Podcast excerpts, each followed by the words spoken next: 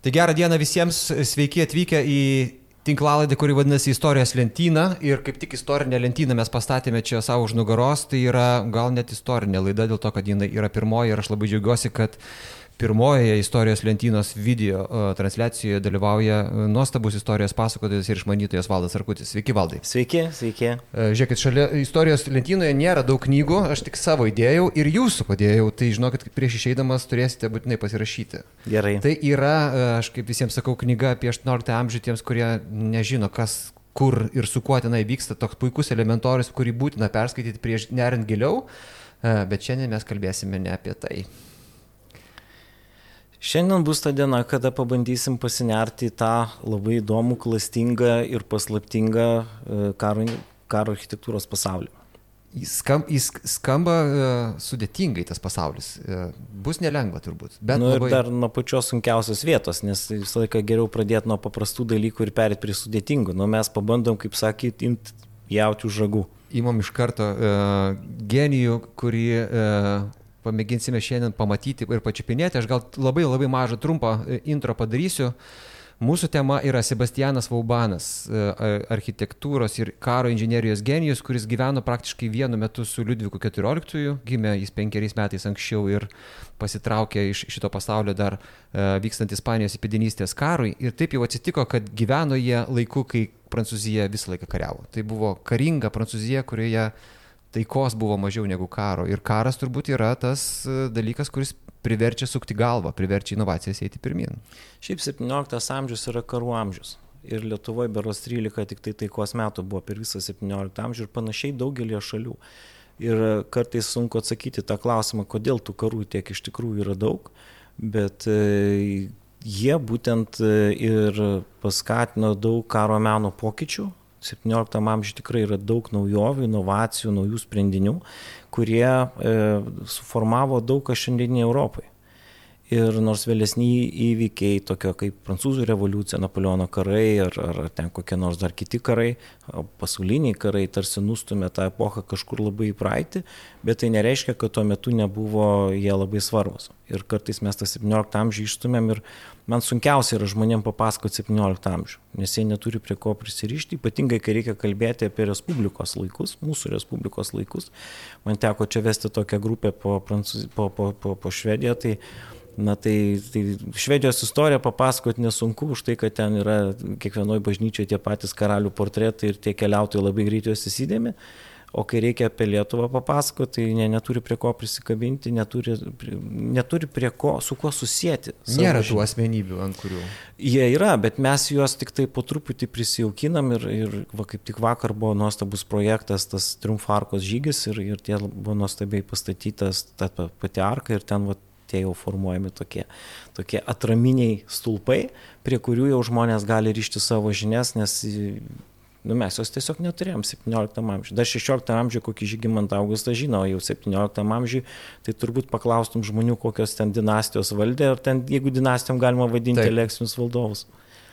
Tai va, tai vienu žodžiu tikrai sunki tema, bet, bet labai įdomi ir keliautojai, kurie na, drįs ieškoti šitų daiktų vietovėje, juos tikrai suras ir tai yra šiandienės Prancūzijos tapatybės dalis. Ir tai bus tokia virtuali kelionė, kurioje, man atrodo, jūs turėsite šiek tiek įjungti vaizduotės. Aš priminsiu, kad šitas podcastas bus dviem pavydalais - ir audio, ir video, bet e, audio šį kartą, man atrodo, neužteks, nes bus daug detalių, e, vaikščiojimų po tas tvirtovės ir galų galę netgi žemėlapį, kurie jums padėtų geriau suprasti, jeigu žiūrėtumėt. Dabar, jeigu užmesti akį į žemėlapį, pamatysite e, daug spalvingų dalykų už Prancūzijos sienos, kurios prancūzai Liudviko laikais atsiplėšė ir iš esmės po to sugebės išsaugoti visas šitas teritorijas iki pat šių dienų.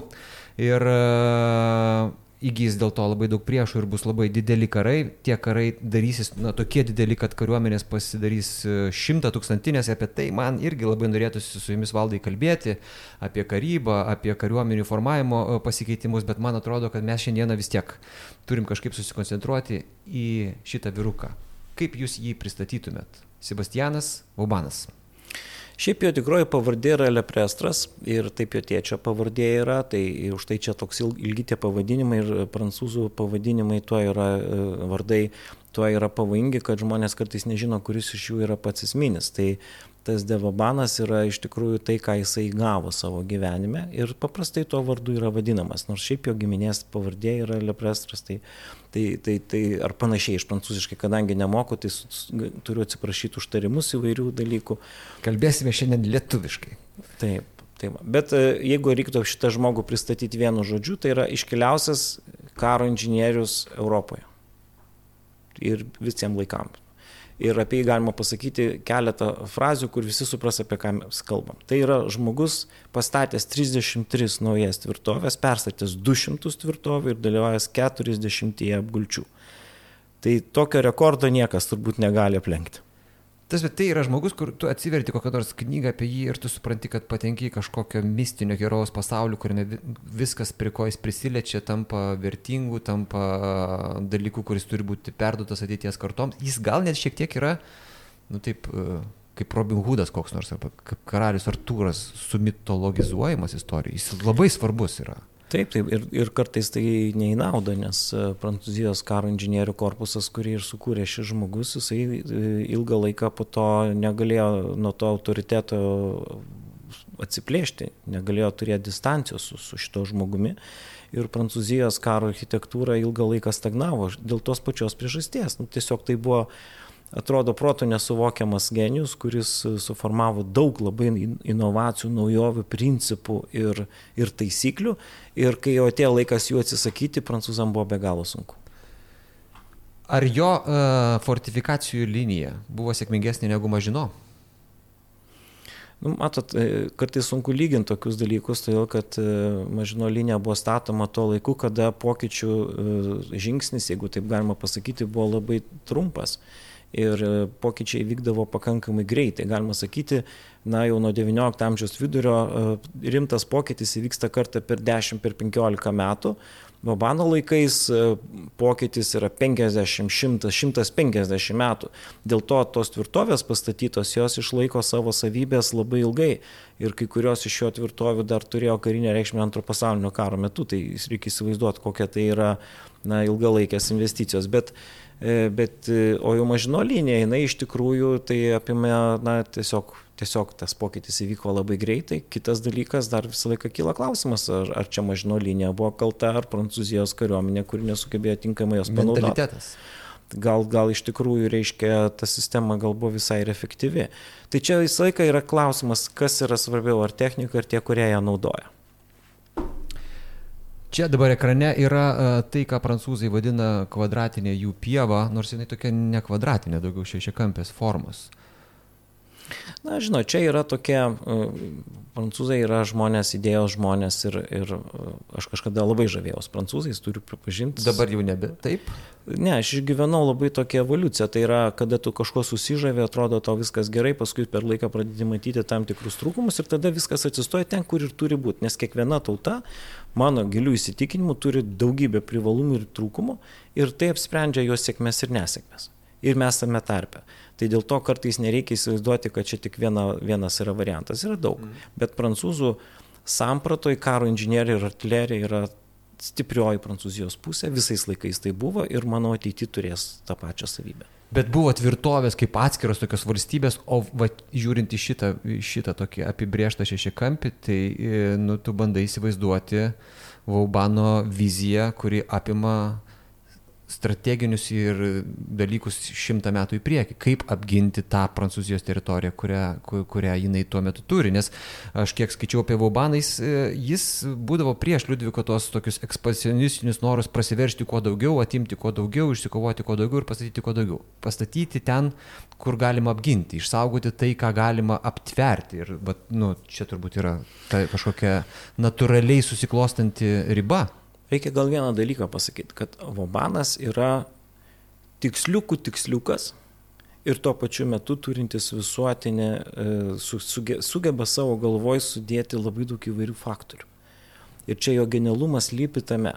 Ne tik tame, kad jisai ten atrado kažkokią sistemą ir aklai pagal ją viską darė. Jisai tiesiog sugebėdavo išvelgti matematiko ir e, geometro, sakykime, žvilgsnių visus esminius faktorius, kelius, atstumus, reiškia, jisai, jis, čia jo genijus tame ir yra.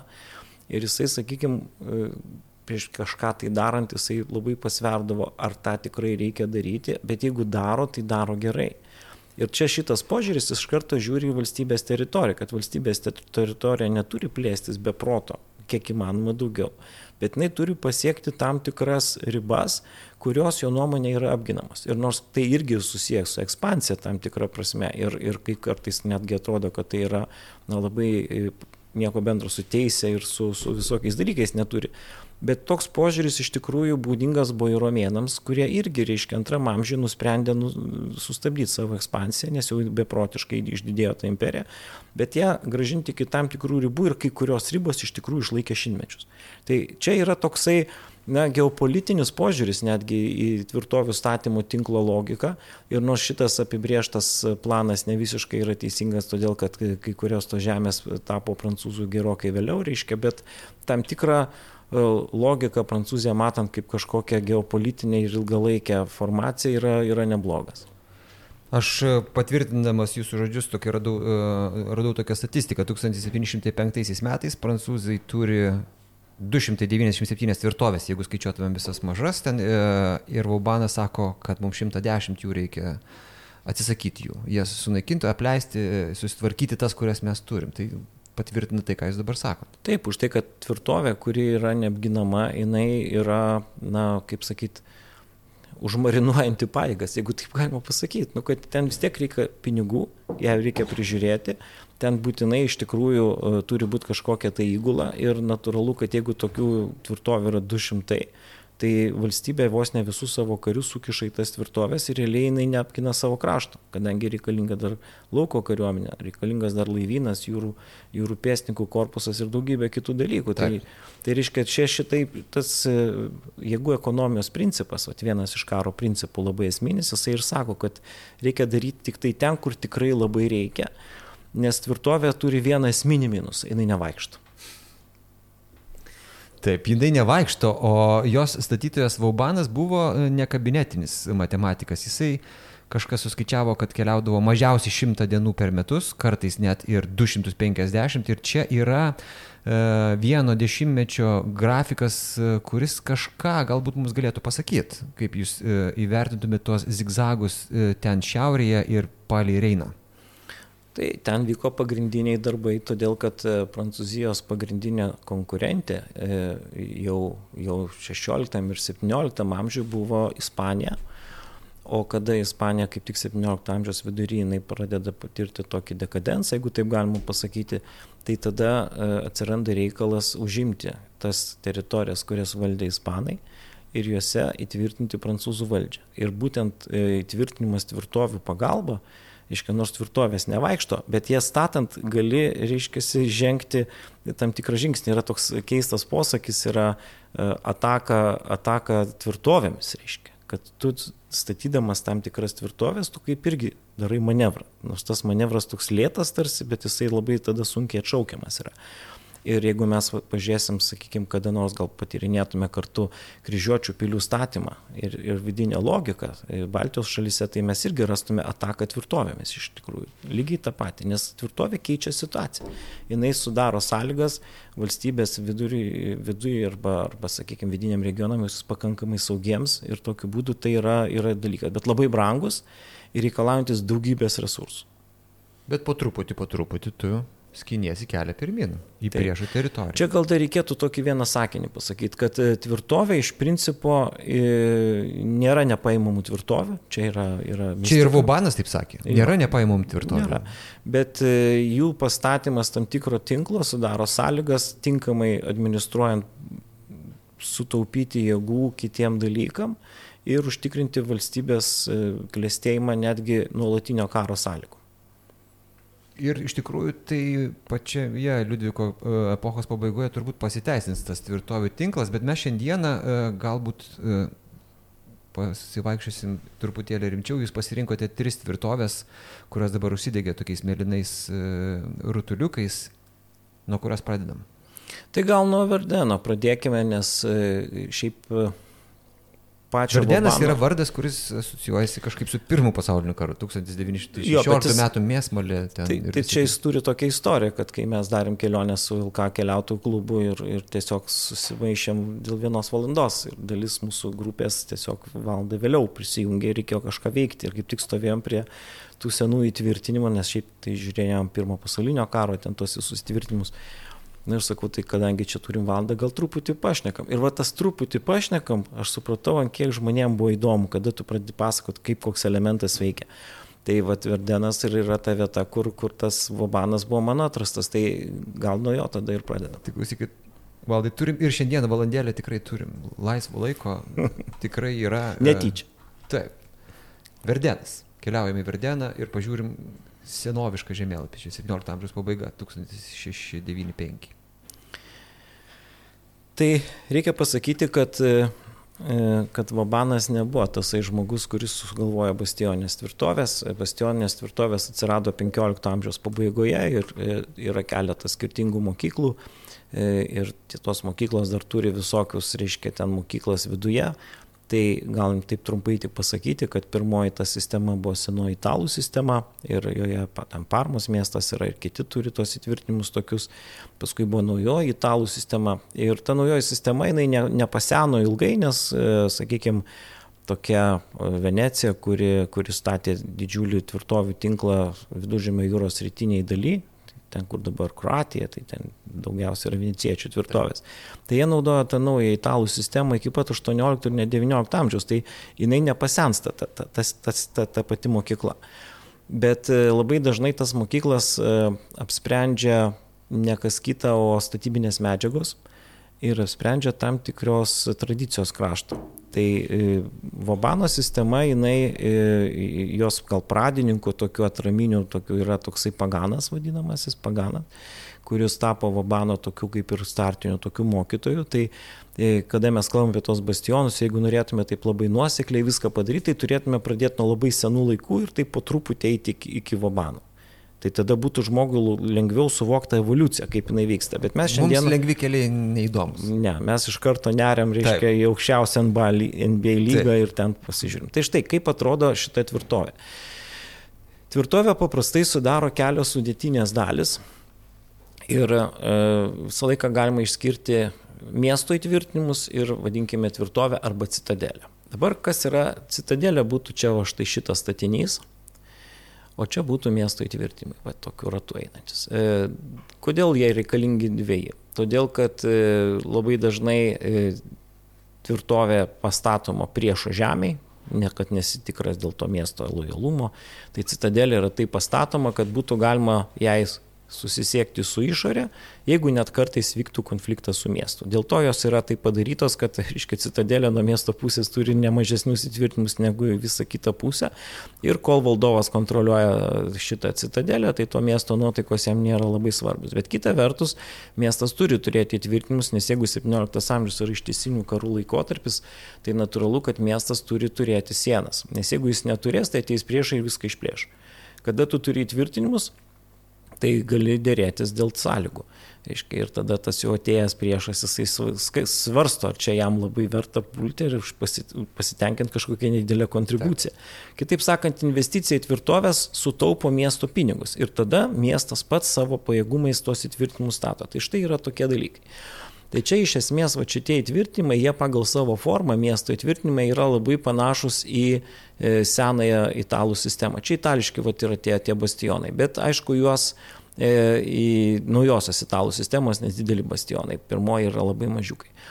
Bet mums labiausiai įdomus, reiškia, yra tie dalykai, kurie pastatyti Vabano. Va čia mes jau matom Vabano e, citadelę ir taip pat miesto įtvirtinimus. Dabar kas čia per daiktas, reiškia? Čia yra vadinamieji išoriniai verkai arba išoriniai statiniai, kurie statomi tvirtovėse tose vietose, kurios yra labiausiai pažeidžiamos ir kur nėra labai didelių gamtinių kliučių, kurios, kurios reiškia, sudarytų. Na, yra ta silpnoji vieta. Tai tada šalia pat pagrindinio bastionio fronto, kurį mes čia matome, yra statomi va tokie statiniai.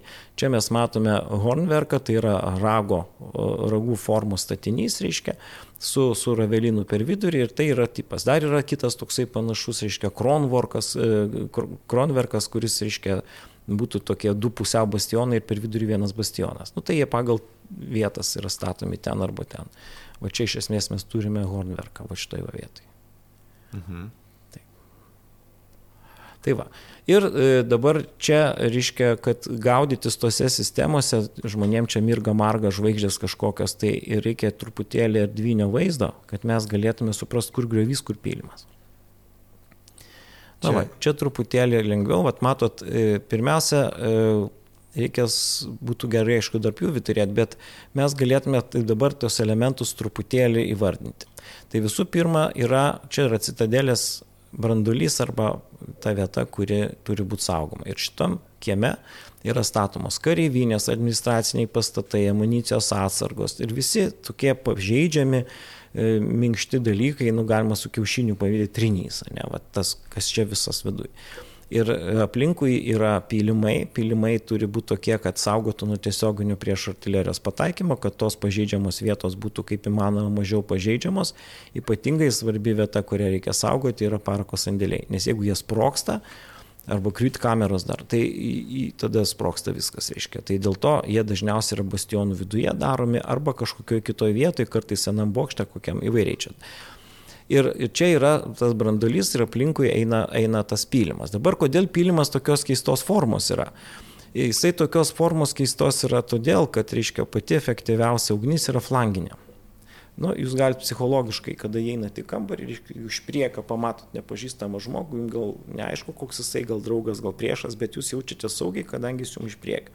Bet jeigu jūs einate ir jums iš šonų stovi du keisti žmonės, jūs jaučiatės nesaugiai. Taip. O dar baisiau, jeigu užnugarį.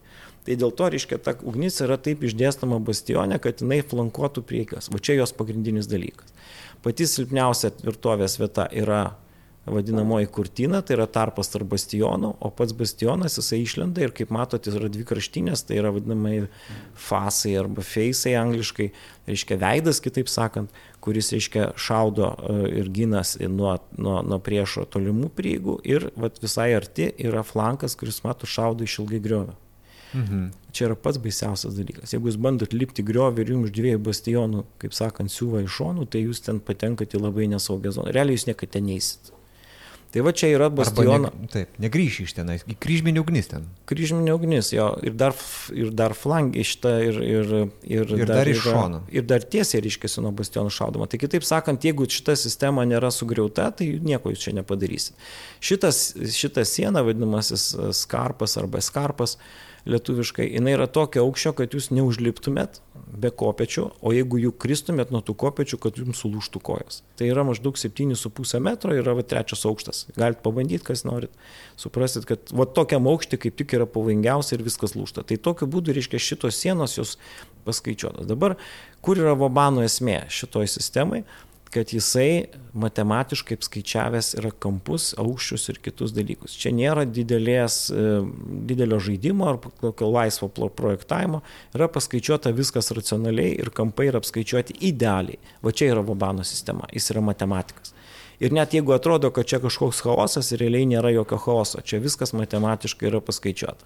Taigi gynybinis griovys pagal galimybės jisai būna arba, arba šlapės, arba sausas, e, čia priklauso nuo, nuo, nuo vietos, kur tai yra. Dažniausiai stengiamasi, kad būtų šlapės griovys, e, nes vandens kiekis esantis čia gali slėpti įvairias kliūtis ir žmogus labai nekaip jaučiasi tame šlapėme griovyje, kuris yra vandens, nebūtinai ten labai gilu, bet yra baisiausia, kad nežinai, kas po vandeniu. Tai, tai va čia yra, yra ir žmogui liptis, sakykime, net paskaičiuota, netgi yra, jeigu vandens tik tai 80 cm, tai jau yra didžiulė problema. Tai va. Ir e, griovys. Toliau iš griovio, reiškia, mes matom raveliną e, arba, arba demiliūną, truputį skiriasi jų forma, bet paskirtis yra panaši. Tai yra toksai statinys, jeigu kas klaipėdui matė, tai yra toksai ten sveikas stovi. Tai yra iš vienos pusės pylimų apribotas statinys, nugara jo atvira, Jo uždavinys dengti šitą labiausiai pažeidžiamą kurtiną, kad priešas negalėtų lengvai paimti. Jis yra nuo šitų bastionų apšaudamas šitas griovys, lygiai taip pat sėkmingai, bet jeigu priešas užimtų raveliną arba, arba šitą demiliūną, tai tada nuo tvirtovės pylimo būtų galima juos, juos naikinti labai sėkmingai. Tai va.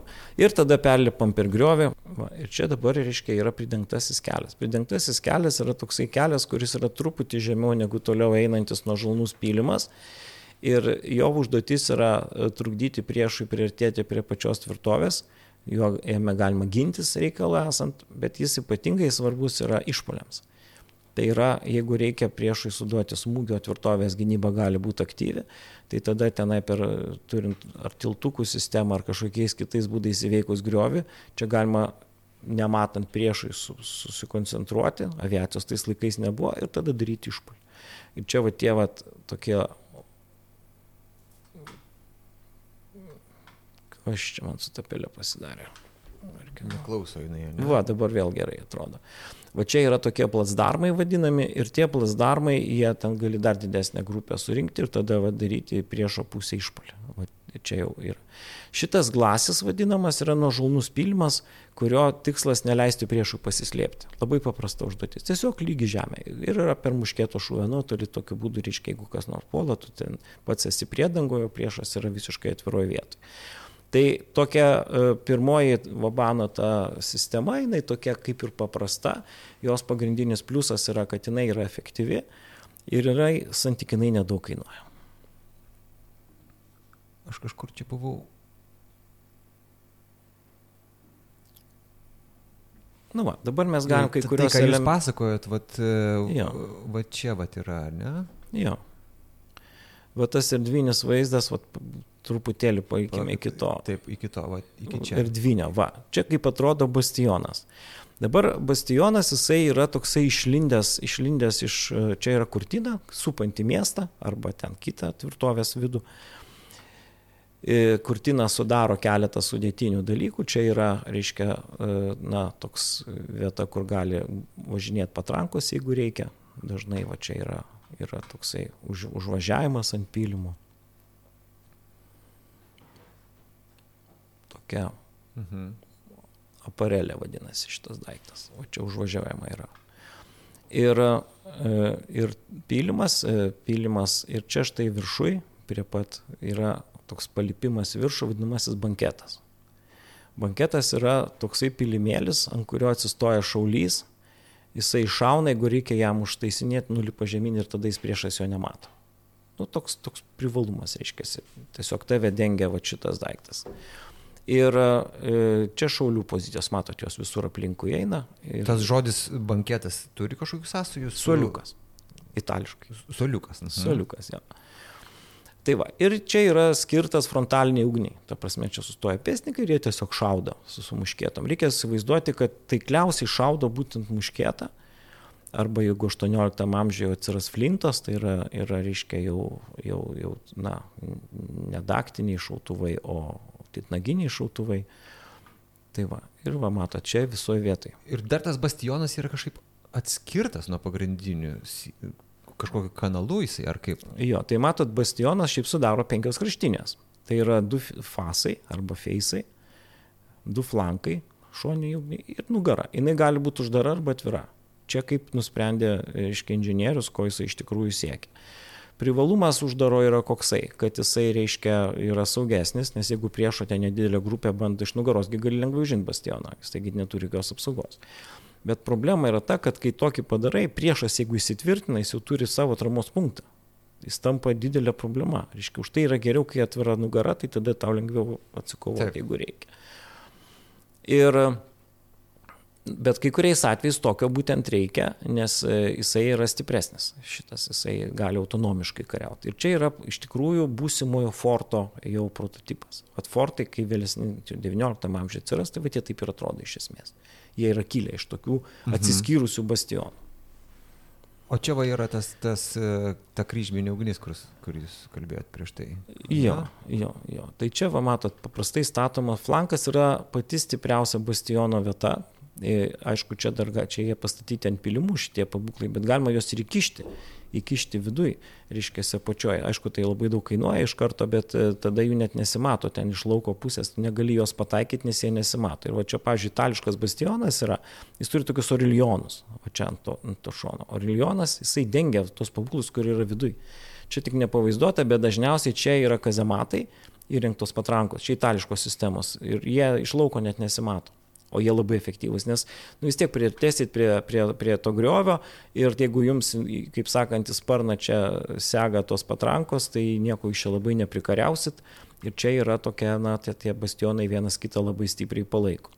Bet aišku, prieš kiekvieną priemonę, va, tą kryžminę, jūs matot, va, flanginė, va, ta šauna, ta šauna, reiškia. Ir, ir iki pat griuojo, o čia yra tas atstumas, vadinamasis poligonas. O šitas atstumas, jisai apsprendžia tvirtovės E, visas charakteristikas ir jeigu, sakykime, didėja pabūklo šūvio nuotolis, iš esmės tvirtovė keičia, keičia parametrus. Va čia labai svarbus dalykas. Ir kas yra įdomu, kad nuo 16 pabaigos iki praktiškai 19 amžiaus šitas atstumas nelabai keitėsi. Patrankų šūvio nuotolis, efektyvaus šaudimo nuotolis mažai keitėsi. Tų pabūklų, kurie skirti griovių gynybai nes e, jie skiriasi. Tie pabūklai, kurie šaudo į tolimasis tvirtovės prieigas, tai jie ten yra paprastai nedidelio kalibro, bet labai toli šaudo, iškiai ilgi vamžiai ir taip toliau. Jie tokia turi funkciją, o šitie artimos kovos jie turi būti e, šaudyti dažniausiai kartečia ar panašiais daiktais. Ir e, tie bastionai gali būti pritaikyti pabūklams, tai yra na, patrankom šiuo atveju, patranka ta, kur šaudo tiesių taikymų o gali būti muškietai pritaikyta. Tai čia vat reikia žiūrėti. Ir šitas poligonas yra esminė charakteristika. O jeigu jį apskaičiuoji, tai tada gali pasakyti, kam jisai buvo pritaikytas. Čia vat matot pabūklam pritaikyta. Taip, o gali būti ir muškietai. Žiūriu šitas linijas ir galvoju, e, aišku, kad ukrainiečiai dabar šturmuoja ne, ne vaubaniškas tvirtovės, bet vis tiek ugnies va tos linijos visur, Žinokit, visur kryžiuojasi. Aš mačiau visur... rusiškus tuos įtvirtinimus, ten daug panašių dalykų. A ne? Jo netgi keistai, kad kai kurie, kai kurie iš jų, reiškia, dar XIX amžiaus pirmos pusės tie įtvirtinimai tokie, lauko įtvirtinimai, bet, bet jie ten tokie yra. Kur eisim dabar, e, kur norėtumėt? Tai dabar, e, reiškia, kada jau mes, jeigu galime. Aha, būtų... apie polimą. Jūs uh, užsiminėte apie polimą, apie tai, kad iš esmės Galvaubanas pradeda savo karjerą kaip inžinierius nestatydamas tvirtovės, o ją šturmuodamas didesnėje dalimi. Na nu kaip, ten yra įdomus reikalas. Iškia, kadangi jisai e, gimęs yra e, kaip ir geroj giminėjai, nu geroj, tai prasme, kilmingai šeimoje. Bet ten turės rimtų problemų, jo protėviai turėjo rimtų problemų, kadangi ten paveldimo bylos kilo didelės. Ir ten ar 30 ar 50 metų vyko kova dėl paveldimo tam tikrų. Ten nesantokinė duktė buvo, ten tokių visokių, žinot, prancūziškų istorijų. Bet, Čia e, įdomu, bet kitą kartą. Ja. Jo, bet esmė yra tokia, kad jo tėtis buvo uh, iš tikrųjų va, tas žmogus kilmingas, bet jam reikėjo kažkokiu būdu užsidirbti gyvenimą ir jisai projektuodavo sodus. Čia tarp kitko irgi inžinierinis darbas ir labai didelis ryšys tarp sodų ir tvirtovių. Tai va, nu tai jam teko šitam jaunam žmogui, tėvas turėjo galimybę išleisti į mokslus, jisai baigė, baigė reikalingas techninės studijas. Tai va, bet jis turėjo tarnauti vietiniam didikui, tai yra princui Konde. O princas Konde, reiškia, kaip tik dalyvavo frontos karuose. Tai Vabano e, karinė karjera prasidėjo nuo Konde įtvirtinimų statymų prieš prancūzų karalių Liudviką XIV. Prieš. Prieš. Labai įdomi istorija. Ir pagal pasakojimus jį pagrobė. Ta prasme, žinodami, kad tai yra gabus jau žmogus, jam bestatant tvirtovę, karalių žmonės jį tiesiog pagrobė ir paskatino jį pereiti tarnauti Liudvikui XIV ir jis tą ir darė visą gyvenimą. Tai tokia pradžia. Čia tarp kitko būna tokių įdomių, nu, kaip Moltkė buvo Danų ten mėnesį Geras. laiko karininkas, nu, tai čia va yra tokių dalykų. Tai va, ir padarė karalius e, inžinierium, e, karalius inžinierius, tuo metu dar tokių pajėgų kaip inžinierinių nebūdavo, dažniausiai būdavo inžinieriai kaip tokie, kuriem reikalui esant priskirdavo reikalingus valstiečius darbo jėgą, kurio jie paskui vadovaudavo. Tai, tai, tai tokia buvo tvarka, reiškiasi, tai įsivaizduokim, kad tai nebuvo Taip, Dar tokie... nėra didelių biudžetų, e, ar ne? Nu, biudžetai kaip, kaip ir yra, bet ta prasme inžinieriai kaip kariai nėra ruošiami. Jie yra tiesiog paprasti pėsninkai, prie kurių priskiriami ten darbo jėga kažkokia. Va šitas labai vaizdelis geras, jisai va, labai akivaizdžiai rodo tą e, pirmos sistemos gynybos. Čia. E, jo, Tai va, tai čia dabar pasigražinu aš tą pelę. Taip. Tai va, nu, tai mes... Va... Čia dabar, e, čia dabar e, kalbam apie Vaubaną kaip apie įmantį tvirtovę specialistą. Nu, bet galim va, pasižiūrėti dar keletą tokių dalykų, kurie yra mums svarbus. Čia mes matom pridengtą į kelią. Taip, va, čia yra pridengtasis kelias. Čia yra traversai. E, traversai yra skirti tam, kad jeigu priešas išilgai šaudytų šitos linijos, jis sugautų, sugautų kulkas ir svėrinius. Nu, tiesiog iš šono. Kad neįtų šoninių ugnies kiaurai. Mhm. Nu, va, tai čia mato tie vaikinai, kurie gina, gina artimoji kovoj nuo, nuo priešo uh, aprošelių. Mes to apie jas kalbėsim. Čia yra gynybinis griovys. Gynybinis griovys yra sausas tai reiškia jo viduje yra kiuvetas, tai yra mažas griovelis, kuris surenka lietaus ir kitokį vandenį, kad visur čia būtų sausa. Čia yra kontraskarpinė siena, jinai yra išmūryta, kaip matom čia. Tai ką reiškia išmūryta, reiškia, jeigu jūs čia šokat, tai jums blogai baigėsi. Tai yra labai rimta kliūtis, kurios e, dar 20 amžiaus įtvirtinimai turi tos pačias kontraskarpinės sienas ir Kaune laikas nuo laiko kas nors tikrenta su labai liūdnom pasiekmėm. Nu, ta prasme, nieko negali padaryti kontraskarpinė siena yra labai svarbi.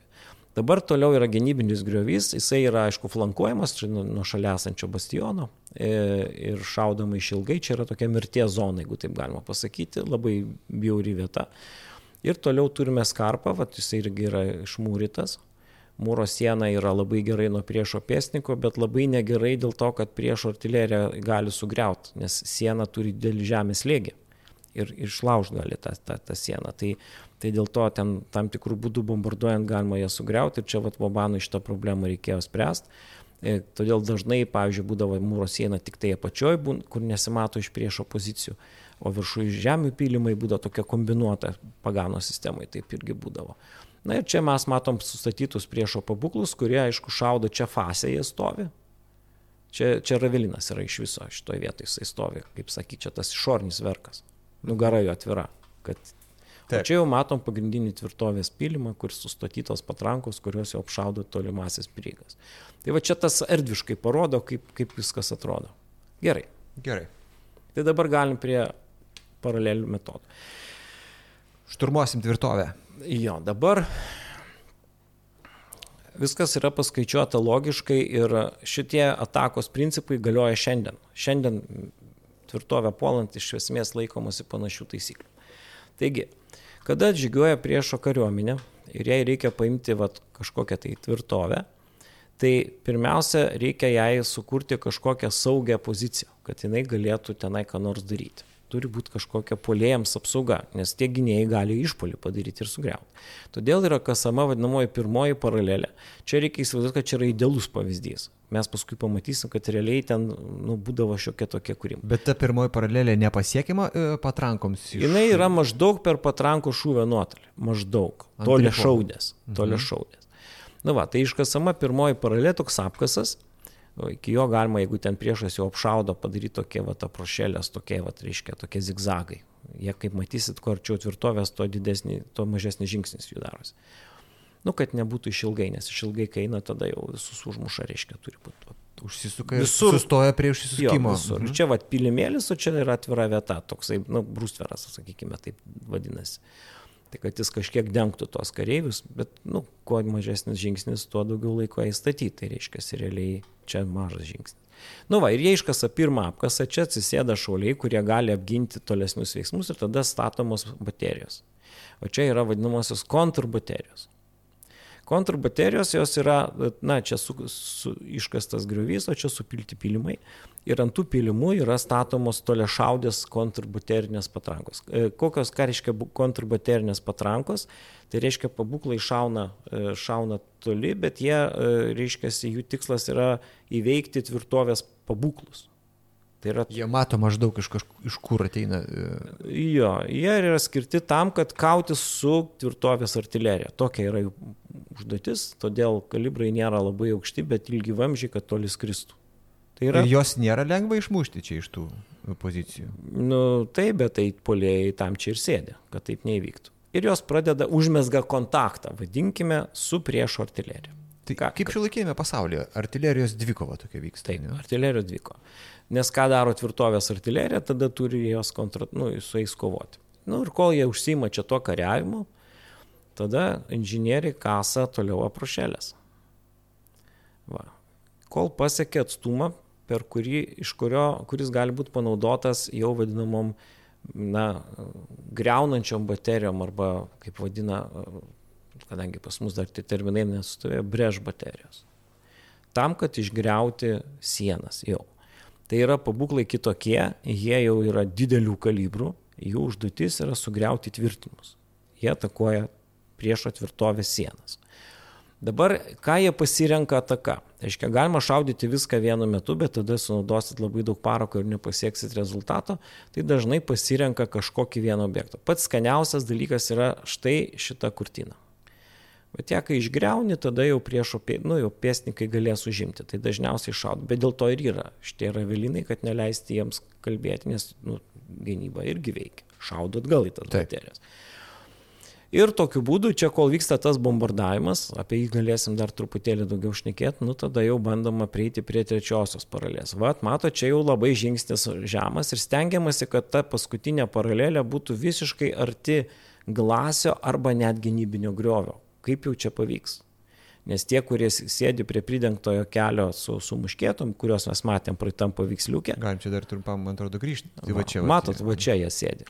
Ja. Ir jie čia, reiškia, matot, šaudo į tuos vat, pasiruošusius šturmų vaikinus. Tai jie čia tarp jų vyksta kova. Šitie pridengti, šitie, nu, tokios improvizuotose, nes ta tvirtovės artilerija jos irgi šaudo. Tai čia nėra taip paprasta. Bet yra paskaičiuota, kad kol jie čia kasė tuos visus, reiškia, tas tos apkasiukus, jeigu taip galim pasakyti, aprušėlės, šitos patrankos jau sudaužė tvirtovės artileriją arba padarė didelę žalą, šitie pabūklai jo pramušė kažkur tai tvirtinimus, na ir dažniausiai priartėjus prie trečios paralelės, jau jeigu jie kito, yra pasiūloma tvirtovė pasiduoti. Na, maždaug jūs kariavot, viskas gerai, nu ir dabar kaip ir laikas jums pasiduoti, jau paprastai tvirtovės komendantas gerai įvertina, jeigu jo, jo įtvirtinimai yra stipriai pagadinti, jisai jeigu kapituliuotų, tai nu, nebūtų labai gerai, bet nebūtų ir labai tragedija. Reiškia, jisai vis tiek kariavo. Jau tvirtovė atliko funkciją, jau užėmė kažkiek tai laiko. Tai jeigu... Kiek čia 50-50 sprendimas, kiek, jeigu trečia paralelė? Ar jau kaip tik e, svarstyklės linksta link to, kad gali pasiduoti? Dabar kas ant tų svarstyklių padėta. Jeigu prieis prie šturmo, tai gali leisti kariams plėšti visą miestą. Ta prasme, be jokios apsaugos. Jeigu tvirtovės komendantas pradeda dėrybas ir darasi dėl sąlygų, tai galima išsaugoti žmonės. Arba ten sumokėti kažkokią kontribuciją. Tai yra žymiai geriau, nes ką reiškia plėšintis kareiviai? Tai yra baisu. Tai yra, nu, baisiausia, kas taip, gali atsitikti. Taip. Tai dažniausiai Europoje tvirtovės labai ilgiau ir nesipriešindavo, jau prieina prie tos trečios paralelės ir jau tada kaip ir kapituliuoja, tokiu būdu reiškia tie puolantieji patiria santykinai mažus nuostolius ir užima tvirtoje pasiekia rezultatą. Bet jeigu jie, tarkime, turi vilti, kad kažkas ateis į pagalbą, Arba jie nusiteikia labai rimtai kovoti, pavyzdžiui, jie žino, kad vis tiek gyvi neliks. Arba, nu, dar kas nors tokio atsitinka, reiškia, tai jie gali priešintis ir toliau. Ir net jeigu, sakykime, va čia kaip šitoj schemai mes matom tą trečioji paralelę visiškai šalia ir jau jie čia įsiveržė į pridengtą į kelią, va ir, ir mato, čia vyksta jau dvikova su, su, su čia esančiais žmonėmis, matot, jau kampas parinktas, jau gali beveik ir nelabai pylimas. Ir jau čia pradaužytas, pradaužytas bastiono fasas, reiškia. Bet tai dar galima gintis ir toliau. Čia galima išsikasti dar griovį pylimą pasidaryti. Galima kovoti. Iš principo Bet dar. Tas šturmas vis tiek brangiai kainuoja. Nes tuo metu patirimi didžiausi nuostoliai. O tas gynybinio griovio įveikimas, net jeigu jau yra labai daug padaryta, vis tiek polėjams kainuoja labai daug gyvybių ir dar kas, ne kiekvienas kareivis tokį griovį gali lipti. Ta prasme, jo motivacija turi būti aukšta. Kokia yra kareivio motivacija, kurio alga maža? Tai arba paplėšti pagrindinę, Vat aš sunkiai dirbau, tie gyvatės nepasidavė, nu tai dabar aš jau savo leisiu. Atsilyginti. Atsilyginti. Jo, už tai karvedys ne visada gali uždrausti kariams plėšti, nes jie tiesiog užsidirbo šitą reikalą. Kitas dalykas, e, jeigu jisai mažai, reiškiasi, mažai motivuotas, jis neįs tą griovį. Ir kartais būdavo taip, kad tiesiog neina ir viskas. Nu, mes čia matom dabar realiai, kaip vyksta, tas matot, jau nėra tokio taisyklingumo, nes, pavyzdžiui, šita tvirtovė, tvirtovė, sakykime, yra šlapios vietos, nepakas jokių čia apkasų, negali daryti, upė kažkokia saugo, reiškia, tai realiai prieigos yra tik tam tikroje vietoje. Ir čia jūs matot, va, pastatytos kontrbaterijos, jos matot apšaudo, Čia jau dabar yra, reiškia, ta antra sistema su, su, su, su įtvirtinimais dengiančiais kurtiną, tai jie čia turi sugebėti pataikyti, tuo mes kalbėsim apie... apie Pirmą, antrą ir trečią sistemas? Mm, jo, kodėl jos atsirado, reiškia, čia jau matot, va, prieš baterijos stovi, matot, iš jų jau šaudyta, jau greuti tvirtinimai ir čia va priartėjo prie, prie, prie, prie tos trečiosios linijos, kuri yra, yra jau visiškai prie įtvirtinimų, matot, ir iš jos jau galima organizuoti tvirtovės, va to išornio kronverko šturmą, jau čia galima daryti. Bet čia gynyba žino, kad jie tik per čia ateiti gali. Tai va, čia tvirtovė gerai pastatyta, bet matot, jie dar ir iš čia šaudo. Va, ir, ir tos upės įveikti jie neturi galimybės, bet jie vat, gali, reiškia, vat, matot, šaudyti šitą tenalis, va šitas vadinasi daiktas, kuris apsaugo tiesiog kurtiną nuo pataikymo. Specialiai tai padaryta, kad neįtų jos taip lengvai išgeriauti. Tai va čia taip, taip, tai tas realiai visą laiką nėra, netitinka tos idealios formos, reiškia. Nu, bet va principas išaiškinta tos schemos, tą principą išaiškint žymiai geriau.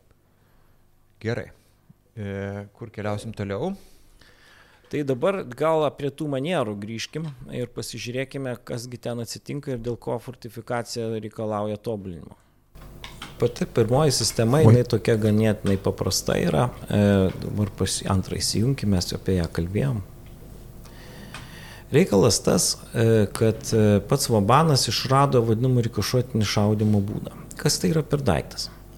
Kadangi, na, kaip supratot, žmogus pašaudęs nemažai savo gyvenime yra, Tai kadangi labiausiai pažydžiama yra šita kurtina, tai yra toksai būdas, reiškia, e, tas tenalius ištobulinti, išplėsti. Ir e, kas tas rikošėtinis šaudimo būdas? Kada tu šauni su pabūklu į tam tikrą vietą, atsimuša nuo sienos ir įlėkia į vidų. Nu, kaip, kaip, kaip stalo tenisą. Va, tai žaidži, reiškia, tai panašiai nes e, sviedinio sprogimo jėga gali pas sviedinys lėkti arba dar sprokstamas būti, jis gali būti taip tiksliai apskaičiuotas, kad sproktų tuo metu arba iš viso jisai tiesiog. Tai čia paliktos tokios mažytės landos, tik tai, per, kad galima būtų kareiviam čia pajudėti, pajudėti reikalai esant, kurie ten kažkur tai čia susirinkę reiškia. Bet iš esmės yra tokia ištisinė siena. Ir jinai e, sunkiai veikiama net ir košėtinių šaudimų būdų nes tas artilerijos šaudimas jisai nevyksta taip, nu taip tiesiog, užtaisai šauni, užtaisai šauni. Bet jie, pavyzdžiui, yra pastebėję, kad kadangi žemė slegia tos, tos, tas mūro sienas, tai jeigu šaudai tam tikrų tempų, tai Ai, rezonansas suveikia. Mhm. Jo, ir tada tiesiog ta žemė išgreuna tą, tą, tą visą mūrą. Tai dėl to, reiškia, tam tikrų distanciją turi šauti. Nu čia toks, sakau, aukščiausio lygio, reiškia, veikiai. Ir ta antra maniera yra pastatyta keletas tvirtovių arba sutvirtinti tam tikri elementai, nes reikia suprasti, kad e, Bobanas ne tik naujas tvirtovės statė, bet ir tvirtino senas. Na, pavyzdžiui, viskas ten kaip ir, vat, kaip ir tam pačiam e, tam pačiam verdenė. Reiškia, ten kažkas senesniai tvirtinimai, o šitoje vietoje yra pastatyti naujausiai, nes ten, ten, ten labiausiai pavojinga vieta. Tai va, ir tada trečią manierą galim pasižiūrėti. Čia mes matom gerokai sustiprintą vidinę tvirtovės liniją. Ir joje yra daug naujų dalykų, o, pavyzdžiui, čia mato tokias angelės. Tai čia netgi net toks tarsi bastionas, bet jis toksai mato, turi net kelias tokius pagrindinius dalykus ir šita vieta yra ypatingai tvirtai padaryta. Dėl to, kad jinai vienas iš skaniausių taikinių, kaip jūs sakėt prieš tai. Jo, tų... reiškia, jinai gali laikytis iš esmės, reiškia, šitą liniją net užėmus dar gali pilnai laikytis. Ir yra du dalykai susijęs su trečiaja sistema. Jis yra tais laikais praktiškai nepaimama šitą tvirtovę, jeigu dar yra kažkokie rezervai. Nepaimų tvirtovių nėra, bet, bet, bet jau tuo metu iškės sunkiai, net ir košėtinis šaudimas nepadeda. Nes net jeigu jūs čia ir paleisit kažkokį sviedinį, tai dar jis nieko nepadarys. Bet jinai yra beproto brangi. Yra taip skaičiuojama, kad viena trečios manieros tvirtovė kainuoja tiek, kiek 21. Už tai tokia tvirtovė yra pastatyta vienintelė pasaulyje. Ir mes dabar kaip tik galim ją gal ir nueiti. Nu, nueikim. Bet gal pirmą pažiūrėkim Bezansoną, nes Niubrisaką pažiūrėsim tada, kada, kada, kada jau, jau prieisim prie to. Va tiesiog truputėlį, kaip aš vadinu, paskaitykim fortifikaciją. Va pasižiūrėkime Bezansoną. Į Bezansoną. Jo. Einam į Bezansoną. Tai, va, tai Bezansonas yra tuo įdomi tvirtovė, kad aplinkui yra tokios stiprios kalvos ir čia upė daro tokį vingį. Ir tas vingis va čia yra miestas. Mezansono miestas. Jį galima nuvažiuoti, jis yra rytiniai, rytiniai Prancūzijai, netoli Šveicarijos sienos. Šiaip labai įspūdingai atrodo ta tvirtovė tarp tų kalnų. Jo, kadangi mūsų mašina sugedo praeitą vasarą, tai turėjom progą pamatyti. O čia yra toks įdomus dalykas. Yra to blogo, kur gerą neišeitų. Gerą neišeitų, jo. Tai čia matom dar labai seną kivobanišką įtvirtinimą, kuris čia buvo ant kalvos, ganėtinai paprastas ir čia vat, matom tos baterijos, iš kurių galima iš esmės patrankom pasiekti šitos įtvirtinimus ir tai prancūzai tiesą sakant ir padarė. Tai nes jie paėmė šitą, šitą tvirtovę. Čia yra. Jie iš pradžių užėmė, o po to Bobanas pradėjo ją. Uh... Jo, ir jis tada iš esmės ją perstatė ir tas perstatymas yra iki šių dienų. Čia kažkur mes turime. Reikia suprasti, kad tuo metu tai nebuvo Prancūzija, e, bet tai buvo tos teritorijos, kurios priklausė Ispanijos karūnai. Čia va, Bezinsonas dabar. Tai dabar kasgi čia yra padaryta Vabano įtvirtinimo e, esmėje. Visų pirma, jisai e, miesto įtvirtinimai yra suremontuoti, sakykime, taip kaip yra. Jie yra pačioj. Čia reikia suprasti, kad aplinkui didelės kalvos, tai reiškia, yra ant tų kalvų pastatyti irgi įtvirtinimai. Čia mes matom hornverką, ragų formos, ekronverką, reiškia e, karūnos formos įtvirtinimą, nes nu, tos aukštumos iš jų galima bombarduoti tvirtovę. Tai jos tokios kaip atskiri fortai kažkokie yra. Čia yra iš šitos vietos miestą gana nesunku paimti, dėl to čia yra, matom, labai stipriai tas priemestis įtvirtintas. Ir, ir, ir čia yra, yra, na, iš esmės pirmoji maniera, galim sakyti, kad čia matosi jinai. Na, o čia pagrindinis statinys yra citadelė. Citadelė jinai iš šonų nepaimama iš viso, ten yra labai aukšti tokie status šlaitai. Tai vienintelės dvi įmanomos pusės, tai yra nuo miesto pusės ir štai iš lauko pusės. O čia yra tas, tas, tas, tas įtvirtinimas, kuris yra. Ir va, čia matom truputėlį aiškiau, kaip, kaip, kaip tas atrodo, kaip ta citadelė atrodo. Tai matot, yra pirmoji gynybos linija, kuri nuo miesto pusės e, yra pastatyta. Ne, čia turbūt iš lauko pusės šitas daiktas yra, jeigu aš gerai suprantu. Ir apšaudimo laukas antra gynybos linija. Tai e, kodėl reikalingos tokios dvi, kad temti laiką, kad laimėti, nes šį kalną gaunasi dar labai stipriai. Tai va. Iš principo gal tvirtovės ir yra uh, laimėti laiko, nu tasme taip plačiau, jeigu žiūrint, tasme visos tvirtovės yra paimamas, klausimas tik tai kiek tu užtruksi ir, nu, ir kiek kainuos. Ir kiek tai kainuos. Taip. Nu tai taip. Tai užtat jeigu, pavyzdžiui, tvirtovė, e, nu taip jeigu paprastai pasakant, galima tokius etapus tvirtovės paėmėjau pasakyti. Tai pirmiausia, atvykusi kariuomenė turi apsupti iš visos visų pusių, kad jai netvyktų jokia pagalba. Nu, kad jinai būtų užblokuota. Tai netai paprasta, jeigu ta tvirtovė didelė, tai reikia labai daug kariuomenės, kad juos tiesiog apsupti. Dabar, jeigu tikėtina, kad, e, reiškia, dar atvyks kokia tai pagalba, tai reikia dar statyti vieną e, tą apsupimo žiedą, kuris ginsis nuo tvirtovės pusės, kuri yra e, vadinama kontrlinija. Taip, kontrlinija. Tai yra ta, kuri prieš tvirtovę. O iš išorės dar viena linija, kuri nusi cirkum linija. Čia latiniški pavadinimai, kuri saugo nuo ateinančios kariuomenės. Kad net jeigu ateitų kažkas išvaduot. Čia kaip vienos mūšyje nuo sovietskio kariuomenės turkai buvo nepasiruošę visai gintis. Nu, tai, tai geras pavyzdys, ar ne? Gali būti. Jo, Tas, bet... kad žiūrėjo tik į vienai pusį buvo pasiruošę. Šiaip šitie įtvirtinimai garsiausi yra iš uh, Alezijos šturmo, kurį vykdė Gajus Julius Cezaris. Bet, bet jis turbūt irgi nenaujus tos dalykus padarė, čia buvo romėnam žinomi dalykai. Tai va, pirmiausia, juos reikia apsupti. Tai pastatyti visus tos įtvirtinimus, kurie tuo pačiu prasme yra ir ta pirmoji paralelė. Reiškia. Ir e, tada, kada taip apsupama, yra paprastai pasiūloma tvirtovai pasiduoti. Nu, jie ten sako, jūs ten šaunus, gražus, mes jūs ten išleisim, nedaug kainuos jums, nu, tiesiog užimsim, mums reikia tos tvirtovės, mes jūs paleisim.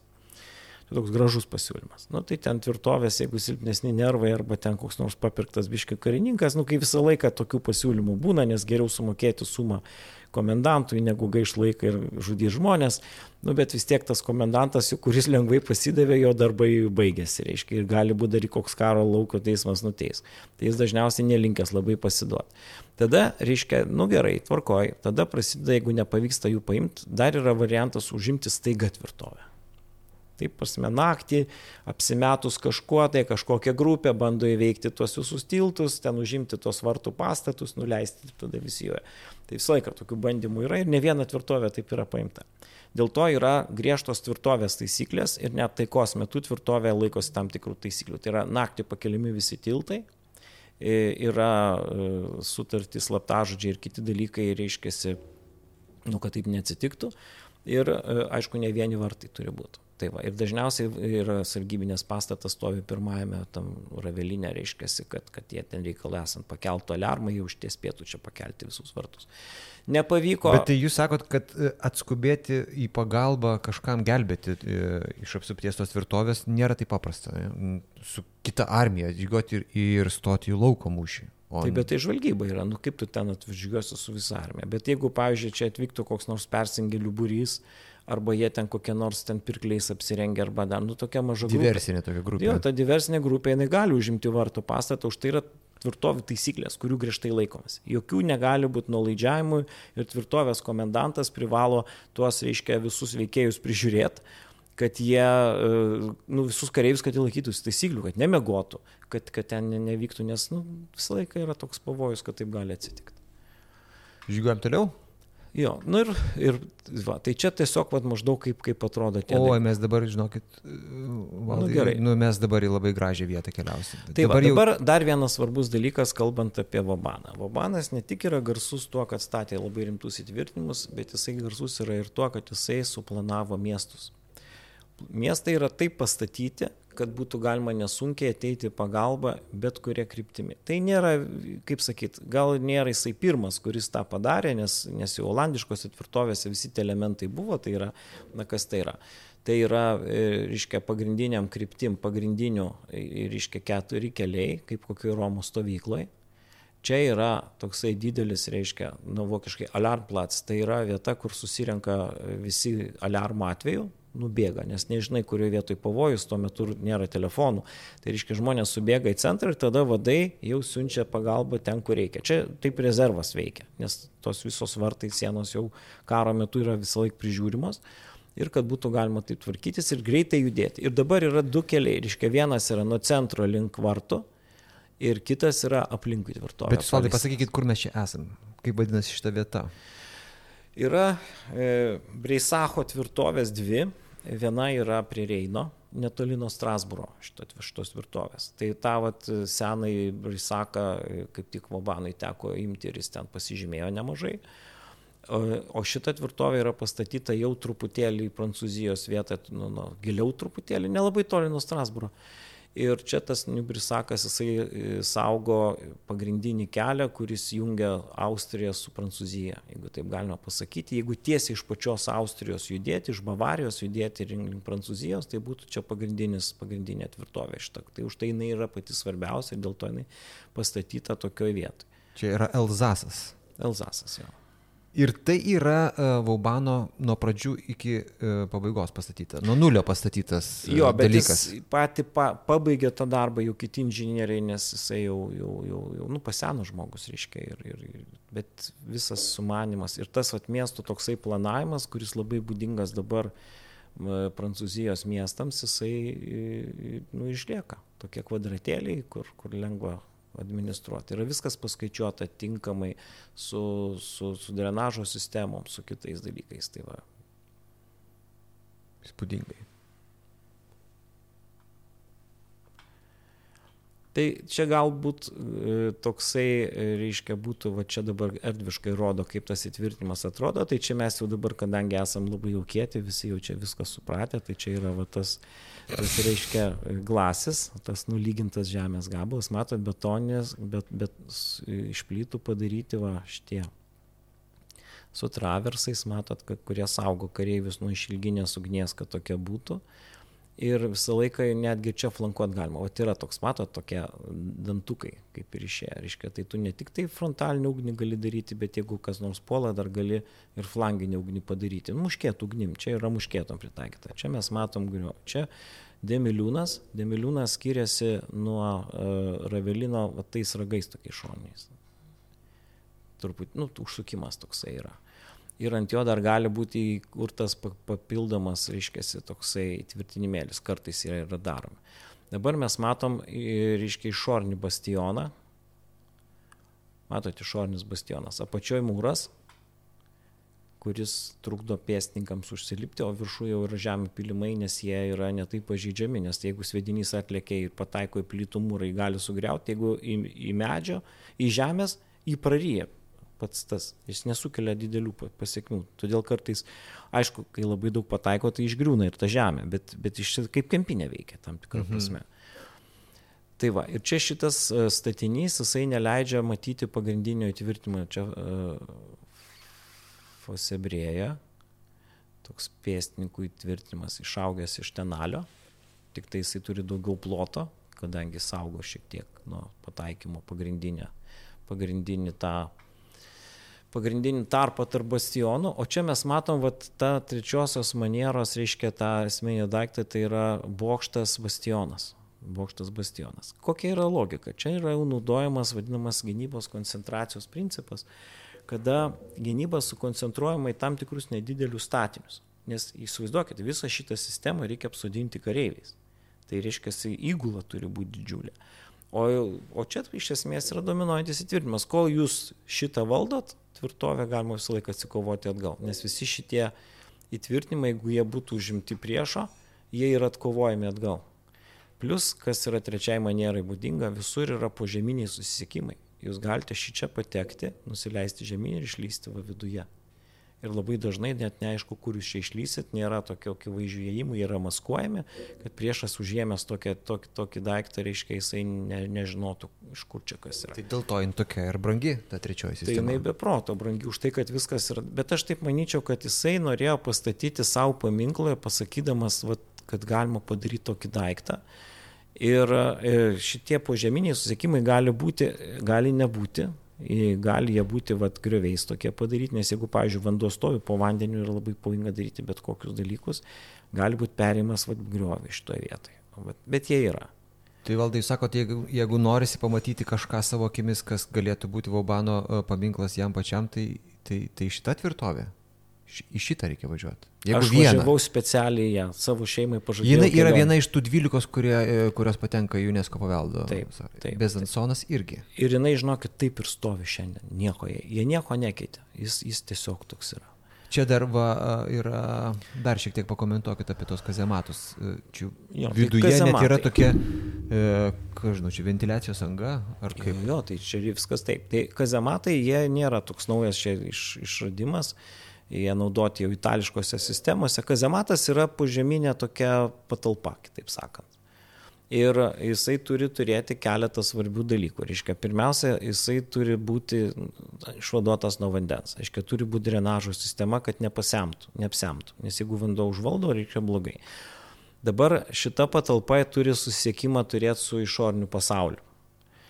Dabar didžiausia problema yra stogas. Kaip padaryti stogą? Požeminės patalpos yra drėgnos iš prigimties. Reiškia, reikalingi du dalykai. Reikia ventiliacijos sistemos, kuri užtikrintų jų oro judėjimą, padavimą ir išleidimą. Jeigu tai yra, sakykime, e, vėlesnėse tvirtovėse net šildymo sistema turi būti, kad išvaduotų nuo tos drėgmės, nesudrėksta parakas, niekas neveikia. Ir taip pat turi būti... Ne dėl to, kad kareiviai būtų patogiau, kad parakas nesudrėktų reikia sausumos. Ne, nu tai žinokit, tose kazematuose žmonės taikos metu nesėdi, ten nereikia, ten sargyba yra, jie ten kareivinėse gyvena, nes mhm. tose kazematuose nedaug dėvė, ten nieko gero. Aš ten daug esu praleidęs tose kazematuose, tai ten... Kaul, ka, kaulai. Tai ten įsivaizduokit, ten visko yra. Jeigu ten blogai sutvarkyta ventiliacija, o ypatingai mūsų klimato sąlygom, tai ten auga e, visokie e, pelėsiai ir ten kitokie dalykai. Tai čia ta prasme yra na, labai svarbu. Ir e, ši čia yra vieta paroko dujom išeiti, nes jos gali nunuodyti pačius šaudytojus. Tai reikia įsivaizduoti, kad viską reikia paskaičiuoti. O čia yra Vobano darbas, aiškia, kaip tinkamai apskaičiuoti šitos atstumus, kad ir pigiai kainuotų, kiek tai įmanoma, ir tuo pačiu metu būtų efektyvu. Nu, va, mes čia matom tos kazematus. Čia matot yra flankuose išdėstyti pabūklai. Čia jų... tas, ką jūs sakėte, kad apačioj. apačioj jo, apačioj. Jie, kuo yra gerai, kad priešas iš toli jų nemato, o pataikyti tai, ko nematai, beveik neįmanoma. Ir kampas yra toks, kad iš lauko atlenkiantis vedinys jam nieko ne... Gali tik iš arti. O iš arti ne, neprieisi, nes yra kiti teverkai. Tokia sistema yra. Ir jie yra patys efektyviausi. Ir, pavyzdžiui, man teko matyti uh, tam pačiam Verdenė jau modernius, modernes, modernius fortus, kurie, reiškia, jau ten baisiai sudaužyti yra. kol veikia šitie e, flankavimo įrengimai, niekas jų ten nebandys pulti jokio pėstininkai. Ta prasme, ne tai, kad jie ten puola ir juos ten skina, jie tiesiog neina. Ir, ir nu, tai yra per daug pavojinga. Ir kas yra... Savižudiška. Ir tos patrankos jos taikytis net neturi. Jos taip padarytos, kad iš tikrųjų tie, kurie yra prie šitų pabūklų, jie tiesiog ten šeria kokią kartečią ir viskas. Ir ten, Nežiūrėdami ten. Ir vis tiek yra jau apskaičiuota, iš, iš, išbandyta, ten vis, viską, viską šienauja. Tai čia yra baisiausias dalykas ir, ir netgi 20 amžiaus vidurio fortifikacijai, sakykime, ten kokioj nors e, Molotovų linijoje, kuri ten Lietuvoje pradėta statyti, bet šitie flanginiai, šitos flanginės ambrazūros jos yra vis tiek pačios efektyviausios. Dabar e, gal va čia dar tą pasižiūrim truputėlį, kaip atrodo... E, reiškia... Sustiprinta siena, čia, čia nuo artilerijos sustiprinta siena. Taip. Reikalas tas, kad nu, iš, išorėje mums atrodo siena. Visų pirma, jinai nužulny yra. Nužulny dėl to, kad tada truputėlį mažesnis lėgis žemės, nu, kažkiek kompensuoja tas kampas. Bet to neužtenka. Yra statomi tokie kontraskarpai. Jie e, nu, suvalgo daug plytų, bet jie duoda jėgos ir, kas dar yra labai svarbu, kartais dar apačioje išlėjamas toksai dalykas, jie e, tokia sudaro kaip atsvarą tai sienai kad jinai, nu, ne, kad pasiskirstytų jėgos, kad nebūtų tokio daikto. Mhm. Nes kada atlikė svedinys, tai jisai ne tik tai, reiškia, ten kiaurai pramuša tą sieną, nepramuš jos, bet jisai sukrutina ją. Ir tada ta žemė įgauna judesio, reiškia. Ir tada išgriūna ta siena. O siena išgriuvus, ją labai lengva patekti. Tai va, ir taip pat čia yra, matot, va, tas labai svarbus dalykas parapetas, kuris dengia, dengia reiškia, pėsninkų pozicijas, nu, kad sugė, atlaikytų pataikymus, reiškia, nes tie pėsnininkai gyja ne metalinėse kupolose sėti, jie atviri. Ir jie, kol užtaisinėje yra pačioj, kad reikia šaudyti, užlipa į viršų, čia tas banketas veikia labai gerai. Banketas.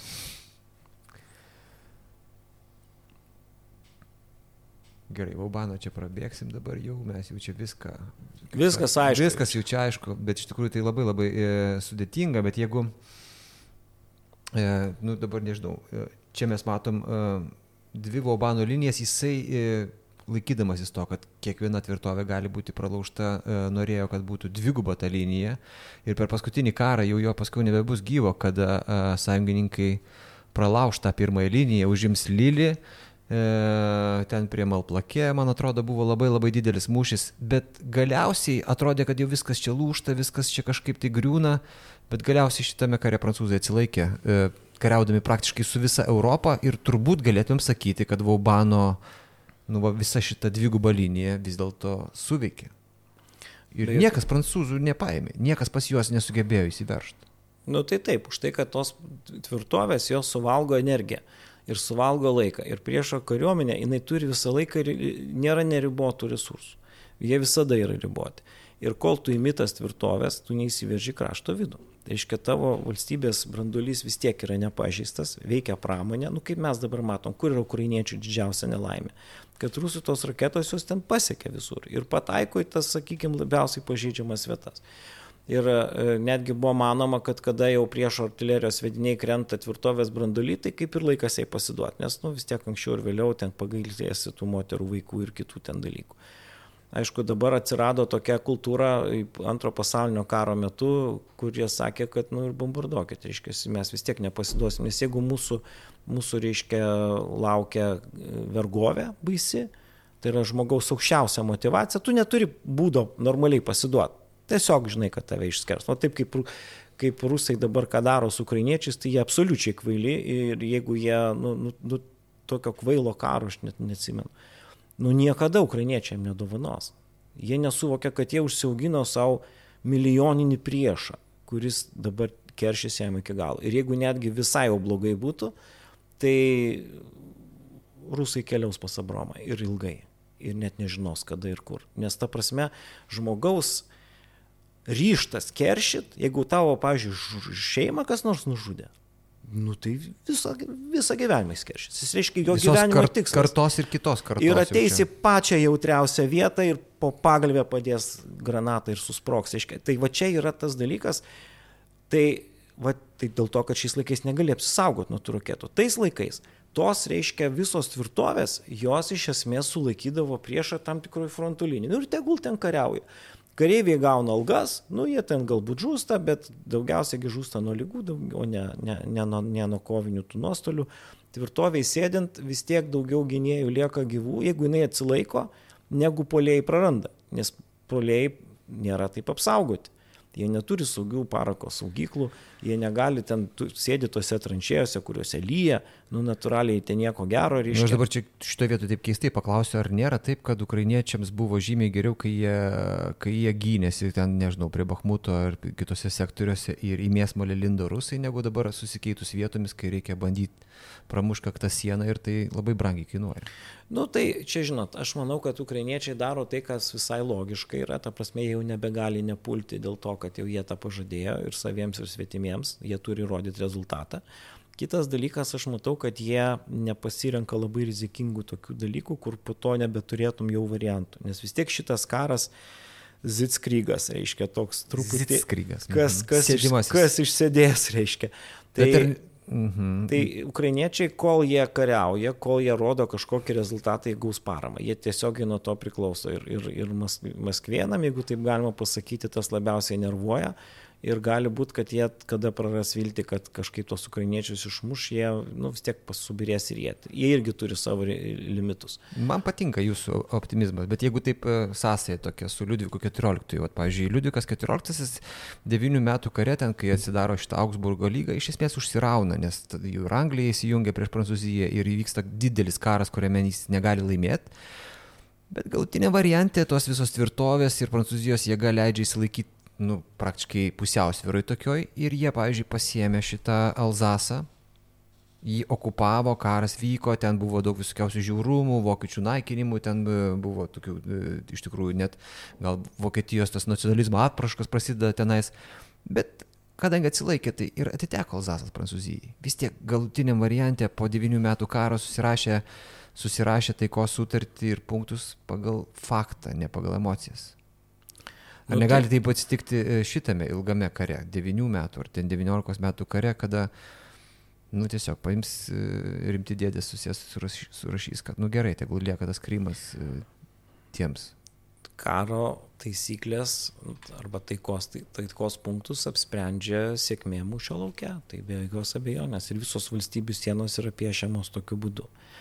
Tik tai klausimas, ar tikrai jiems vertėjo visais atvejais tiek sukelt daug jėgų prieš save. Nes Prancūzija gerokai padidėjo per Liudviko XIV karus. Ir čia, pavyzdžiui, daug kas net ne, nežino tokio daikto, kad tas Frančkomte, pavyzdžiui, arba, arba tai čia buvusios... Bezansonas yra iš Frančkomte. Ja, tai yra buvusios Burgundijos žemės. Tai Burgundija, reiškia, nebuvo Prancūzija, kaip daug kas galvoja. Burgundija yra Burgundija. Jos buvo lygiavertės valstybės su, su Prancūzija, tiesiog taip gavosi dėl, dėl įvairių ten dinastinių dalykų, kad, kad liko be priežiūros ir paskui tas Burgundijos paveldas jisai tapo Ispanų Niderlandais, o vėliau paskui Austrijos Niderlandais. Ir, vat, ir šito... visa tai vyksta po Vestfalijos, kada tarsi prasideda nauja Europa, čia susitarėm, parašėm, nebeapkeisim, nieko nebedarysim. Nu, tai čia nu, toks pavyzdys. Prancūzijas atsiranda tokia ir, pavyzdžiui, paskui jau XIX amžiaus tiek kovos, kai ten Elzasas Lotaringė tapo Vokietijos, yra daugiausiai Prancūzijos pozicionuojama, kad čia visada Prancūzija. Nu, ne visai taip. Tai vokiečiai žino, čia Vestfalijos ir po Vestfalijos, reiškia, palikimai. Tai, tai kaip ir Krymas rusų yra, labai trumpai palyginus, taip istorinių žvilgsnių žiūrint. Nu, tai čia 18 amžiaus pabaiga ten, nežinau. Ten.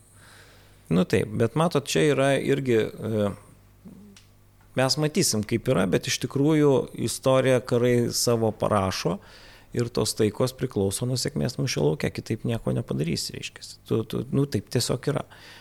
Ir e, kur Prancūzijos stiprybė, tai ne tik tos tvirtovės, aišku, tvirtovės čia prie to labai stipriai prisideda, bet priklauso ir nuo to, kokie yra valdovai. Vat Liudvikas XIV, jisai reiškia kaip valdovas labai ilgai valdo. Ir čia yra Prancūzijos sėkmės priežastis.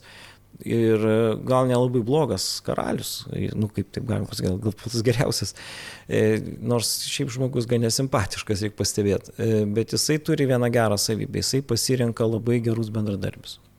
Ir vat, kas, ko, ko trūksta mūsų demokratiniai santvarkai, tai yra tokių tvarių vyriausybių, kur, pavyzdžiui, žmogus gali 30 metų valdyti kažkokią sritį. Ir jeigu jisai dar atrinktas ir yra gabus, toks kaip, kaip karo ministrai, reiškia, ten realiai trys senelis, sunus ir, ir anukas netgi. Ir visas tas laikotarpis yra ten Litelė, paskui, paskui reiškia, yra Ir jie nėra tokie jes yes, men dėl to, kad Vaubanas yra pavyzdys e, žmogaus, kuris gali sakyti tai, ką galvoja, netgi savo karaliui. Nu, tai jis jam gerai nesibaigė. Nu, Su mokesčiais ten nepavyko jam, ne? Jis norėjo apmokestinti jis, visus didikus, e, taip pat kaip ir visus kitus jisai, žmonės. Jisai matematiškai paskaičiavo, kaip pasiekti, kad valstybė turėtų pinigų savo valstybę išlaikyti. Ir jisai, nu, natūraliai, tą naštą mokesčių stengiasi tu lygiai paskirstyti, nes tai yra problema visą. O Liudvikas stengiasi didikų neliesti. Jisai suprato, ant ko stovėjo valdžia. Taip. Bet taip visada yra ir pas mus, važiuoju, dabar progresiniai mokesčiai, ne visi sako, progresiniai mokesčiai. Kodėl jie taip sunkiai einasi? Nu, todėl, kad, e, o kas finansuoja partijas, nu, tai jeigu tu, tu ten labai reiškiasi pažeisi, pažeisi tos interesus, nu, tai tada tave parems tavo konkurentą. Ta prasme, čia yra e, jėga, turtas ir, ir valdžia, jie turi tarpusavio santykius tam tikrus. Bet tais laikais buvo iš vis iškripta Prancūzijai, turtingiausi žmonės nemokėjo mokesčių iš viso. Lygiai taip pat mūsų abiejų tautų respublikai ta, ta pati problema buvo. Realiai didikai mokesčius mokėjo labai mažus ir tik tiek, kad jie, reiškiasi, karo metu tais apsidėdavo mokesčiais. Bet tai gavosi, kad mažiausiai pasiturinti žmonės išlaiko didžiausią valstybę. Taip, Prancūzų... Ir Baubanas sako, taip negali būti, bet jam nu, nieko nepavyksta nepaisant savo autoritetų. Nu jo, bet jisai manomas, kad reiškia tos ekonomikos tam tikro ir mokesčių politikos vienas tokių pirmievių ir galbūt nustato teisingus principus. Jis buvo žmogus, kuris iškėlė idėją, kad reikėtų visoje Europoje įvesti vieną valiutą. Jis racionaliai mąstė. Jis racionaliai mąstė. Mąstė kelišimtis metų į priekį. Tai koks būtų Vaubano palikimas šiems laikams? Nes e, jo tvirtovės tebestovi, jo vardas garsus ir, ir jo principai taikomi irgi yra turbūt karyboje taip pat. Trijų paralelių sistema funkcionuoja idealiai, aš manau, šiais laikais tik atstumai yra kiti. Tas prieš, ukrainiečiai šturmuoja panašiai, e, įtvirtintas nu, pozicijas. Ar tik tai tie, kad, nu kaip sakyti, tie šūvių nuotoliai yra labai kitokie ir dabar labai tolimi skrydžiai, tai žinoma, Vabano sistemos jau visiškai ne, nėra tos vietos, kur tu gali pasislėpti, ten jokie mūrai ten tau nepadės. Tai, tai negali sakyti, kad nieko neįvyko, įvyko. Bet e, logiškas prieimas prie karo ir racionalus paskirstimas pajėgų ir visi kiti dalykai, tai yra jo sistema. Turiu dar pasakyti tai, kad prancūzai labai įsimylėję buvo tą vabaną, jis vat, sukūrė tą inžinierių korpusą ir pas asmeniškai, e, reiškia, egzaminuodavo tos kandidatus. Ir kai jisai mirė, ten liko ta pati tradicija. Ir iš vienos pusės jie visi buvo apsišvietę, kitas dalykas pasidarė uždarą kastą ir neįsileisdavo naujovių. Ir jeigu kas nors kažką labai pasiūlydavo kitaip, tas žmogus tiesiog nedirbdavo tam inžinierių korpuse. Ir čia prancūzų minusas ir paskui, sakykime, XIX amžiui e, kokia nors Prūsijos naujoji sistema arba, arba ten, sakykime, to, tų pačių belgų, reiškia, fortai naujieji, jie, jie, jie tiesiog e, nu, aplenkė prancūzų korpusą, kuris atrodė ten vienas pačių geriausių ir įdomiai skamba, bet prancūzų tvirtovės statytos pagal, pagal belgų inžinierių, reiškia, brėžinius. Tai, tai va čia yra, e, nu, tam tikro laikotarpio. Tai va, tai čia kartais būna taip, kad tas per didelis prisirišimas prie praeities paskui trukdo suvokti, kad, nu, kažkokie įvyko dalykai, va, atstumai pasikeitė. Tai. Tai Vabanas jisai e, sugebėdavo visą tai sudėlioti tam tikrą logiką ir jo, pažiūrėjau, tvirtovės nėra visos pagal vieną modelį padarytos jos yra pritaikytos prie tereno, prie, prie, prie atstumų, prie visokių, bet jisai, kadangi tą plačiai matydavo, tai jisai pasiekdavo ir tam tikrą prasme jo tvirtovės yra nu, maksimaliai geros matematiškai. Ta prasme, niekur tu nėra nei vienų silpnos vietos. Vat, man tai patinka visą laiką vaikščioti po tas tvirtovės ir žiūrėti, nu, kodėl čia šitas kampas. A, jisai dengia tą. O čia šitas, kaip sakau, skaityti fortifikaciją. Nu tai ten, ten tik lieka žavėtis. Ir tai apskritai buvo tvirtovė epocha, galbūt dėl to sunku buvo prancūzams persiorientuoti, nes tvirtovė taip pat yra ir tam tikras mentalitetas - sėdėti, ginti statiškoje pozicijoje ir po to, kai prasideda manevrų karas, prancūzai, e, nu, antram pasauliniam kare nesugebėjo sudalyvauti dėl to, kad vokiečiai buvo manevringesni tiesiog.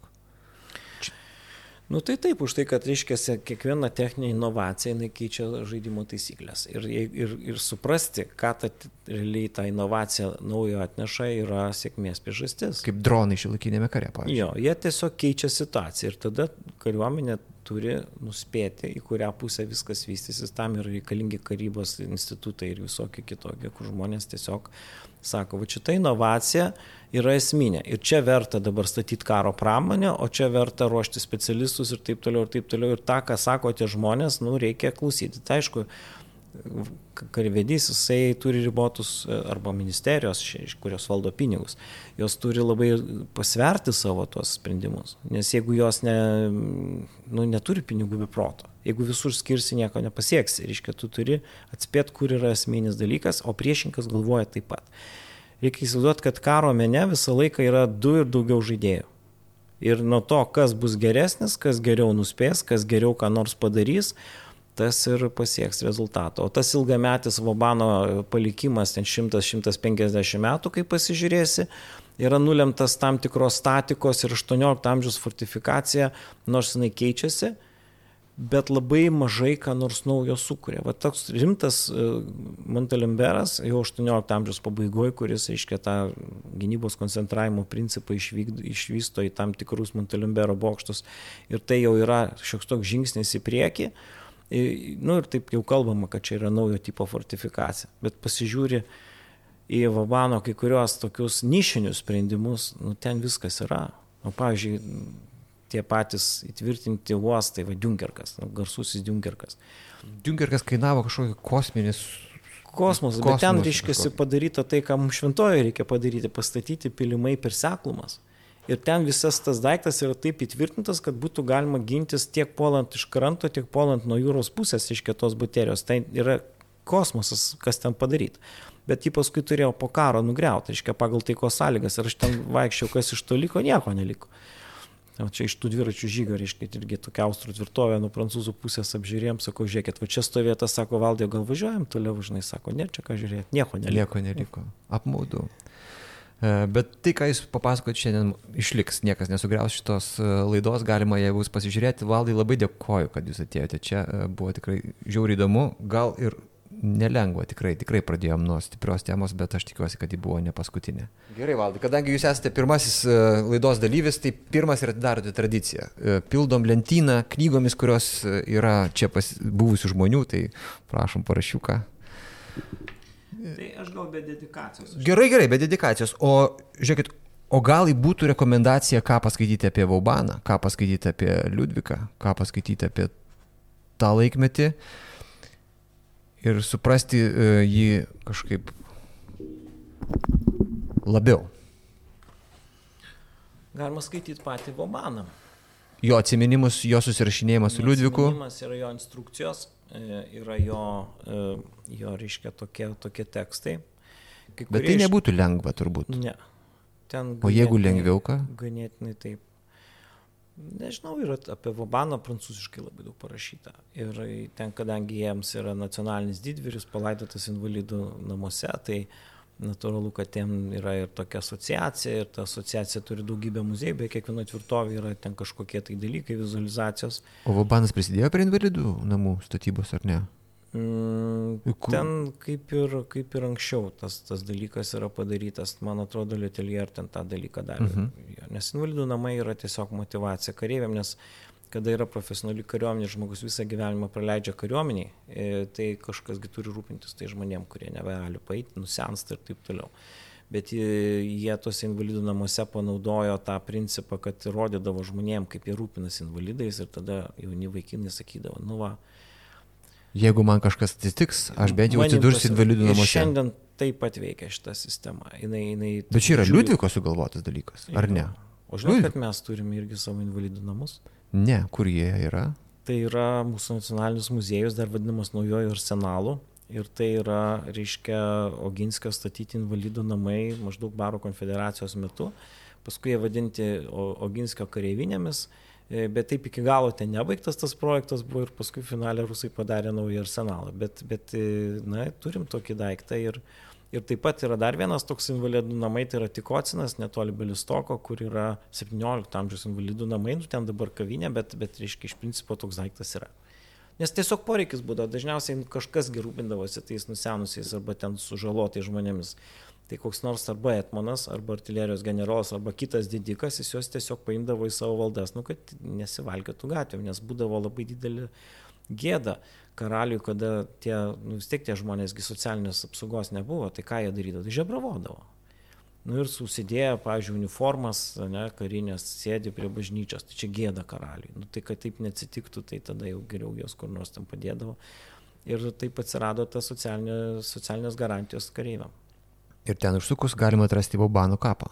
Vobano Nu, ten kažkokia tokia yra ir to bažnyčiai ten palaidoti yra ir, ir Napoleonas, ir kiti, reiškia, ir ten Vabano yra. Nes jisai buvo palaidotas savo dvare, bet paskui... Kažkaip širdį Napoleonas perkelė į širdį. Ten. Jo, jo. Tai, nu, bet ten paminklas taip, laikoma, kad ten Vabano vieta. Ok. Ačiū Jums. Iki. Iki.